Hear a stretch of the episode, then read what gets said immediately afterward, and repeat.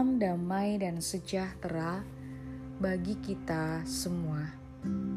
Saudara yang terkasih, hari ini kita akan bersama-sama merenungkan firman Tuhan yang diambil dari Matius 1 ayat 20 dan 21. Tetapi ketika ia mempertimbangkan maksud itu, malaikat Tuhan nampak kepadanya dalam mimpi dan berkata, "Yusuf, anak Daud, janganlah engkau takut mengambil Maria sebagai istrimu, sebab anak yang di dalam kandungannya adalah dari Roh Kudus. Ia akan melahirkan anak laki-laki, dan engkau akan menamakan dia Yesus, karena dialah yang akan menyelamatkan umatnya." Dari dosa mereka.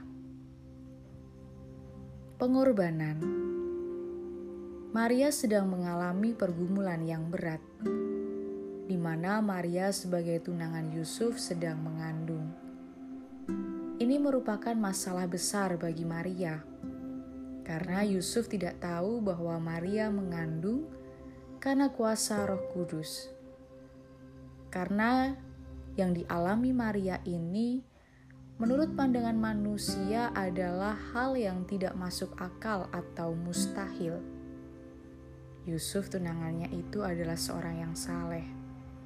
Tetapi setelah mengetahui hal ini, ia bermaksud memutuskan pertunangannya.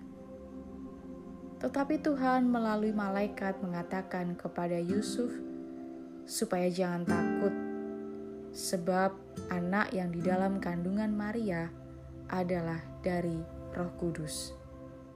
Dan Yusuf pun melakukan seperti yang diperintahkan malaikat Tuhan, yakni mengambil Maria sebagai istrinya. Dari hal ini, kita bersama-sama merenungkan bahwa ada sebuah pengorbanan berharga yang dilakukan Yusuf dan Maria. Ketika Maria berani berkata kepada malaikat Tuhan, jadilah padaku menurut perkataanmu. Artinya Maria sudah siap berkorban.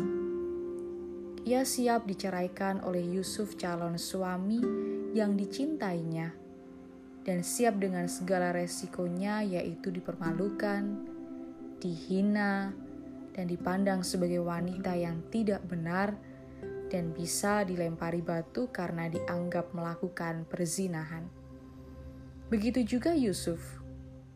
Ketika ia bersedia mengambil Maria sebagai istrinya, ia harus mengorbankan perasaan, martabat, harga diri. Dan hasil dari pengorbanan mereka adalah karya besar Allah. Melalui mereka membuat semua manusia berdosa yang percaya kepadanya akan diselamatkan. Pengorbanan Maria dan Yusuf adalah pengorbanan berharga karena menjadi berkat bagi semua manusia. Kita pun saat ini sudah menerima anugerah keselamatan dan menjadi anak-anak Tuhan. Karena itu, kita pun harus mau berkorban untuk menjadi berkat bagi orang lain, sehingga melalui kehadiran kita kita mampu membawa damai dan sukacita bagi sesama kita. Sudahkah kita rela berkorban? Renungkanlah. Tuhan Yesus memberkati. Amin.